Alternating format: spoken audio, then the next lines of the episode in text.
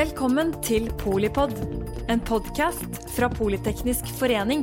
Et kunnskapsbasert medlemsnettverk for bærekraftig teknologi og samfunnsutvikling. Jeg heter da Linn Skare Thoresen, og til daglig så jobber jeg som sagt som analytiker i Tema Consulting. Og vi er et konsulentselskap som arbeider mye mot kraftbransjen. Og vi arbeider bl.a. mye med energiløsninger, som da f.eks. hydrogen. Og i dag så tenkte jeg jeg skulle prøve å gi en liten oversikt over hele hydrogenmarkedet. Um, og jeg tenkte også jeg skal gå litt dypere inn i hydrogen sin potensielle rolle som energibærer i ulike sektorer. Så hvis vi starter med produksjonssida, så ser vi det at hydrogen det kan produseres fra en rekke kilder, og da under klassifiseringa grått, blått eller grønt hydrogen. Man kan produsere hydrogen ved hjelp av elektrolyse fra fornybare kilder, og da f.eks. energi fra vind, vann eller sol. Dette hydrogenet har da ingen CO2-utslipp, og det klassifiseres derfor som grønt hydrogen. En annen måte å produsere grønt hydrogen på, det er ved hjelp av gassifisering av biomasse eller reformering av biogass. Og siden biomasse er et organisk materiale, så regnes her prosessene som utslippsfri. Det er også mulig å kombinere her produksjonsmetodene med karbonfangst og -lagring, eller CCS, noe som faktisk vil gjøre her prosessene karbonnegative. Videre så kan hydrogen også produseres fra fossile kilder, som naturgass, olje og kull. Og her produseres hydrogenet enten da gjennom dampreformering av naturgassen, eller gjennom gassifisering av olje og kull. Og da klassifiseres hydrogenet som grått hydrogen. Men dersom du kombinerer disse prosessene med CCS, så vil hydrogenet ha mye lavere utslipp, og det vil klassifiseres som blått hydrogen. Og til slutt så er det også verdt å nevne at hydrogen kan produseres som et biprodukt fra mange industriprosesser. Og uten CCS så klassifiseres da også dette hydrogenet som grått, men med CCS så klassifiseres det som blått. Og så over til lagring og transport av hydrogen. Hydrogen er et stoff med veldig lav massetetthet, så lagring i sin naturlige form er veldig upraktisk. I tillegg så er hydrogen veldig lettantennelig, eh, så det er viktig med, fokus, med, med fokus på sikkerhet når det kommer til lagring og transport.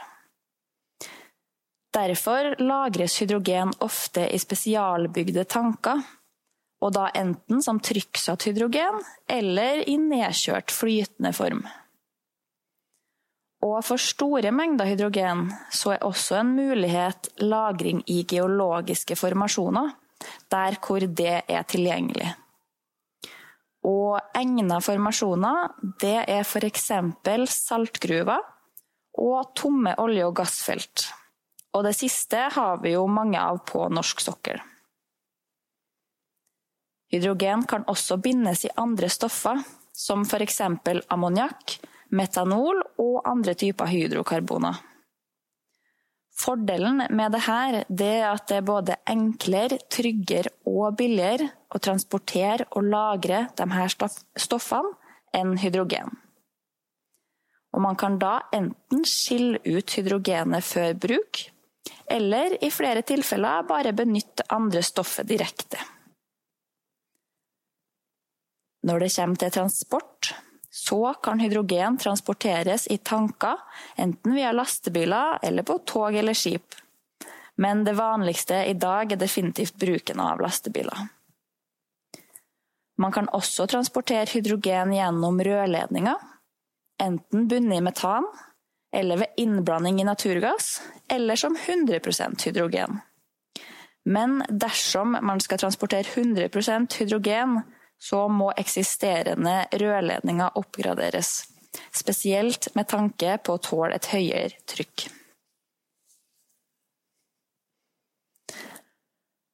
Og når det kommer til etterspørselssida for hydrogen, så kan hydrogen benyttes i en rekke ulike sektorer. F.eks. kan hydrogen benyttes til oppvarming av bygninger på steder der man bruker naturgass til oppvarming i dag, som man f.eks. gjør i mange europeiske land. Videre kan hydrogen brukes i transportsektoren som drivstoff for ulike transportmidler. Og det er mulig å bruke hydrogen som drivstoff både i kjøretøy, for tog, fly og skip. Hydrogen kan også brukes i industrisektoren, enten som råvare direkte inn i prosesser, eller til oppvarming av prosesser som krever høye temperaturer. Man kan også benytte seg av hydrogen i kraftsektoren som en kilde til fleksibilitet. Så alt i alt så er hydrogenmarkedet ganske kompleks, og det består av mange verdikjeder som kan gå på tvers av flere sektorer. Noe som også har en verdi i seg selv, da mange av disse sektorene er veldig atskilt i dag. Så hvordan ser hydrogenmarkedet ut i dag? Jo, i dag produseres 96% av alt hydrogen fra fossile kilder uten CCS og dampreformering av metan er den mest utbredte produksjonsmetoden. Altså består markedet i dag nesten utelukkende av grått hydrogen, og står dermed for store klimautslipp. Og det er kun 4% av dagens hydrogen som produseres via elektrolyse. Vi ser derfor at dersom hydrogen skal kunne bidra til å realisere et nullutslippssamfunn, så må produksjonen endres fra grått til grønt eller blått hydrogen. Og det finnes i dag flere elektrolyseteknologier som er moden og tilgjengelig på markedet, og man må også fokusere på å lykkes med CCS i stor skala, sånn at det blir mulig å produsere lavutslippshydrogen fra naturgass. Dagens etterspørsel etter hydrogen den kommer i hovedsak fra industrisektoren. Den totale etterspørselen etter hydrogen ligger i dag på rundt 56 millioner tonn årlig. Og når vi vet at industrien forbruker rundt 54 millioner av disse tonnene, så ser vi at det er nesten alt. Det største forbruket det er knytta til produksjon av ammoniakk og oljeraffinering. Men hydrogen brukes også i metanolproduksjon og produksjon av kjemikalier og i prosessindustrien. Og det er også verdt å nevne at siden mye av hydrogenet både produseres og forbrukes av industrien, og gjerne også innenfor samme anlegg, så er det begrensa hvor mye hydrogen som selges på et åpent marked i dag. Men når det kommer til den fremtidige utviklinga av hydrogenmarkedet, så er det flere som tror at hydrogen vil kunne gå over til å selges som en råvare i et åpent marked. Litt på samme måte som f.eks. naturgass selges i dag. Det er derimot knytta stor usikkerhet til størrelsen på dette fremtidige markedet, og når det vil ta av. Og dersom man ser på ulike markedsanslag for hydrogenmarkedet, så ser man at noen aktører tror på et betydelig marked, med en etterspørsel på flere hundre millioner tonn i året. Mens andre tror på et marked på under 100 millioner tonn. Men et fellestrekk på tvers av mange anslag, det er at de fleste aktørene i dag ikke tror at hydrogenmarkedet vil ta ordentlig av før etter 2040. Så det er i så fall en liten stund til. Men for å få et bilde av hvordan hydrogenmarkedet kan se ut dersom vi får en stor vekst, så kan man f.eks. se nærmere på en av de mer optimistiske kildene og deres beskrivelse av markedet i 2050. For eksempel i Hydrogen Council sin rapport 'Scaling up Hydrogen' så beskriver de en mulig global etterspørsel etter grønt og blått hydrogen på rundt 500 millioner tonn årlig. Og ved å se på deres framskrivninger, så ser man at den største etterspørselsveksten mest sannsynlig kan se ut til å komme i transportsektoren og til bruk i industri. Og da utover det som allerede brukes der i dag. Og dersom man ser på potensialet for utslippsreduksjoner knytta til et hydrogenmarked på denne størrelsen, så ser man at det vil være mulig å redusere verdens CO2-utslipp med så mye som 6 gigatonn. Og for å sette dette i perspektiv, så tilsvarer det rundt 18% av dagens totale globale utslipp. Noe som er ekstremt masse. Vi ser også at den største andelen av utslippsreduksjoner den ser ut til å komme i de sektorene som er vanskelig å avkarbonisere ved hjelp av elektrifisering i dag, som f.eks. tungtransport og industrisektoren. Så her kan hydrogen være veldig verdifullt i et miljøperspektiv. Men hvilke muligheter kan Norge ha i framtidas hydrogenmarked? Jo, hydrogen kan faktisk bli en større inntektskilde for Norge. Vi har nemlig muligheten til å produsere hydrogen både fra fornybar energi og fra naturgass. I dag har Norge et kraftoverskudd på rundt 5 TWh. Og i 2030 estimeres det at dette overskuddet vil vokse en del. F.eks. med 15 TWh overskudd så kunne Norge potensielt ha produsert rundt 280 000 tonn grønt hydrogen årlig. Som vi da enten kan bruke her hjemme i Norge, eller eksportere ut til f.eks. Europa. Men selv om Norge potensielt kan produsere relativt store mengder hydrogen fra fornybare kilder, så er potensialet i naturgassen vår ekstremt mye større. Og hvis man antar et fremtidig nivå for norsk gasseksport på 50 milliarder kubikkmeter, noe som er under halvparten av det vi faktisk eksporterer i dag, så vil man kunne produsere rundt 10 millioner tonn blått hydrogen. Så vi ser at produksjonen av blått hydrogen den kan potensielt gi helt andre volum enn produksjon av grønt hydrogen her i Norge. Vi ser også at dersom vi knekker koden med storskala CCS og eksport av blått hydrogen, så vil Norge kunne dekke en stor del av Europas framtidige etterspørsel etter hydrogen. Så her er det definitivt muligheter å ta tak i for Norge. Så over til hydrogen sin potensielle rolle i ulike sektorer.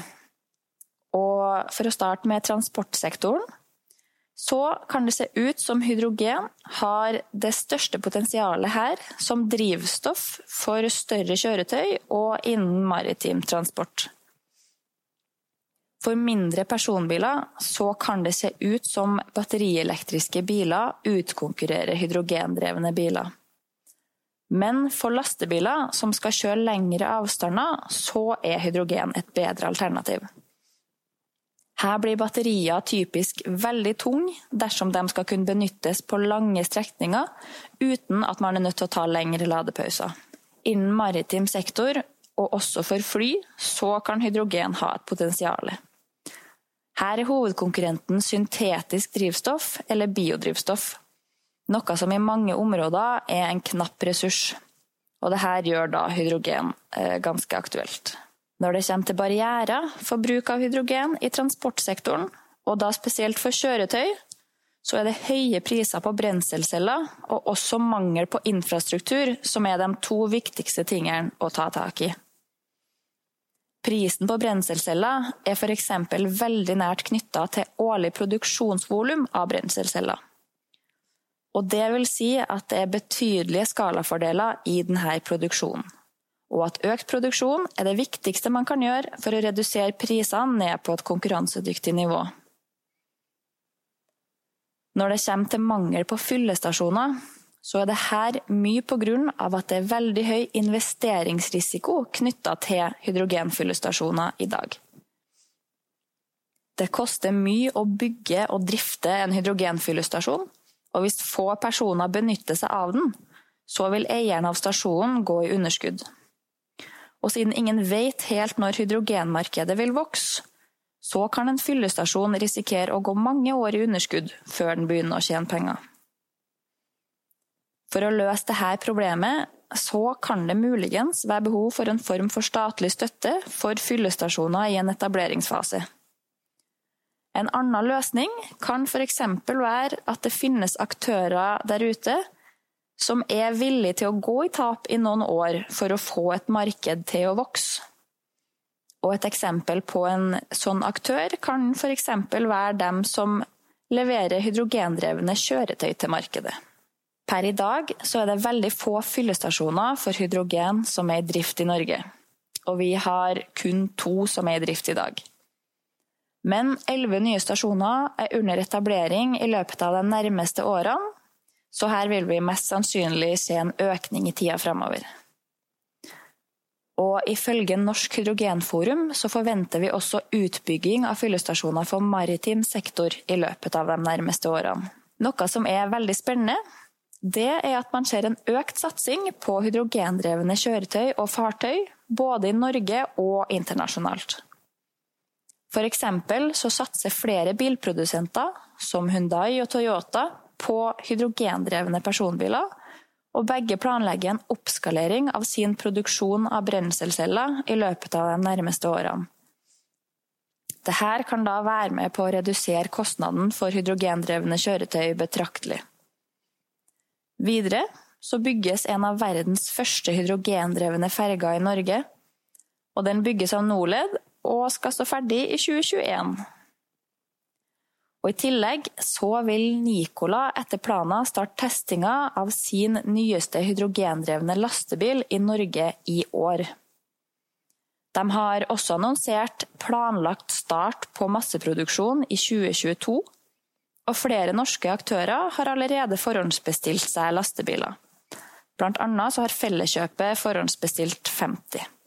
Så her skjer det definitivt ting. Så over til industrisektoren.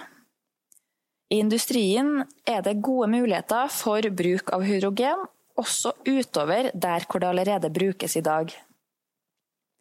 Spesielt i varmekrevende prosesser så er bruken av hydrogen høyaktuell, fordi oppvarming ved hjelp av elektrisitet ikke klarer å nå de høye temperaturene som trengs.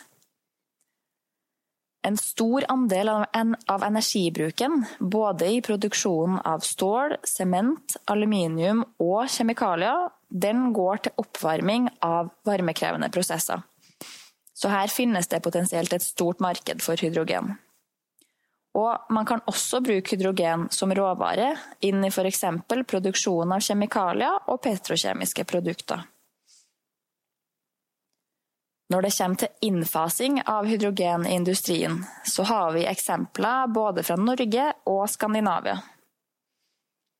I Norge har TiZir sin fabrikk i Tyssedal kartlagt muligheten for å legge om jernproduksjonen sin fra å benytte kull til å gå over til hydrogen for oppvarming. Denne omlegginga har fått en prislapp på over 7 milliarder norske kroner, så det er definitivt en omfattende prosess. Men dersom den gjennomføres, så estimerer de at fabrikken vil oppnå 90% utslippsreduksjoner og en 40% energibesparelse. Så det blir spennende å se hva som skjer videre i denne prosessen. I tillegg har et initiativ ved navn Hybrid, som er et samarbeidsprosjekt mellom svenske Vattenfall og svenske og finske stålprodusenter, sett på muligheten for å gå over til bruk av hydrogen for all deres stålproduksjon. Og For øyeblikket så gjennomføres det en pilot i Sverige i dette prosjektet, hvor et anlegg i liten skala tester ut de nye løsningene. Og Etter planen så skal prosessen være klar for storskala implementering i 2035. Og dersom disse planene gjennomføres i stor skala, så vil prosjektet kunne gi nasjonale utslippskutt på 10% for Sverige og 7% for Finland. Og det her er jo ekstremt imponerende. Men prosjektet har også estimert at utslippsfritt stål vil koste mellom 20 og 30% mer enn vanlig stål. Så for å gjøre prosjektet lønnsomt, så må kunder faktisk være villige til å betale mer for dette stålet. Det kan derimot være mulig å få til. F.eks. i produksjonen av en bil så er kostnaden for stål en veldig liten andel av totalkostnaden. Så dersom en bilforhandler kan reklamere med bruk av utslippsfritt stål mot sine kunder, og dette er noe kundene faktisk er villige til å betale mer for, så vil det kanskje være mulig å tjene penger på å bruke det her stålet. Og det er jo en veldig spennende tanke. Så over til hydrogen i energisystemet. Her kan man benytte seg av hydrogen fordi det kan lagres i store mengder over lang tid uten å miste energiinnhold. Og på den måten så kan hydrogen bli en kilde til fleksibilitet i kraftsystemet. F.eks. kan man produsere grønt hydrogen i perioder og på steder som har høy fornybarproduksjon og lav etterspørsel etter kraft. Hydrogenet kan da produseres via elektrolyse og lagres eller transporteres rundt etter behov. Så kan hydrogenet reelektrifiseres i perioder med høy etterspørsel, og da enten ved hjelp av en brenselcelle eller en hydrogengassturbin. I tillegg kan man også benytte seg av blått hydrogen i de periodene hvor fornybarproduksjonen er lav og etterspørselen etter kraft er høy over lengre tid. Men man ser at i Norge i dag så er ikke hydrogen som fleksibilitetskilde en veldig god business case. Og det er rett og slett pga. at Norge har store og mange vannreservoar som kan tilby den samme fleksibiliteten til en veldig mye lavere pris. Så for at disse løsningene skal bli aktuelle i Norge, så må rett og slett kostnaden knytta til hydrogen først synke betraktelig. Men i andre europeiske land så er dette derimot mer aktuelt. Og grunnen til det er at man ser en høy utbyggingstakt av fornybar og variabel kraftproduksjon, og det er ofte mangel på andre kilder til fornybar fleksibilitet. Det er også en mulighet å bruke hydrogengass til oppvarming i bygninger, der hvor man bruker naturgass i dag. Et eksempel på aktivitet innenfor dette markedssegmentet i dag, det er et prosjekt med navnet North of England, hvor Equinor og det britiske selskapet Northern Gas Network har utreda muligheten for å konvertere gassnettet i deler av Nord-England fra å transportere naturgass til å transportere hydrogen. Og etter denne utredninga ble det beslutta å videreføre prosjektet. For øyeblikket er prosjektet inne i en testfase med fokus på sikkerhet. For det er veldig viktig å kunne garantere sikre løsninger når hydrogen skal sendes rett inn i hjemmene til masse folk. Og etter planen så skal, det, her, så skal prosjektet starte med tester i det faktiske gassnettet i 2021 eller 2022. Så dette er definitivt et prosjekt man burde holde øye med. Så for å oppsummere så finnes det muligheter for bruk av hydrogen i en rekke sektorer. Og for flere av bruksområdene så finnes det faktisk ikke noe godt alternativ til hydrogen i dag, dersom man vil kutte utslipp. Så selv om det fortsatt er en del usikkerhet knytta til utviklinga av hydrogenmarkedet, så ser det ut som man er på riktig vei. Det er også verdt å nevne at Norge jobber med en strategi for hydrogen som snart skal publiseres, så det, skjer, det skjer definitivt mye spennende innenfor hydrogen om dagen. Og det er et område man virkelig burde holde øye med. Tusen takk til uh, Linn Skare Thoresen for en uh, veldig interessant gjennomgang av uh, markeds- og teknologiutviklingen innen hydrogen. Dette var første del av hydrogenkurset fra Politeknisk forening. Du eh, lytter til en podkast fra Politeknisk forening som gir deg eh, innsikt, inspirasjon og innflytelse. Og vi ønsker deg velkommen tilbake. Takk for at du lyttet til Polipod fra Politeknisk forening. Få med deg flere episoder Eller bli med på nettverksmøtene som du finner på at polyteknisk.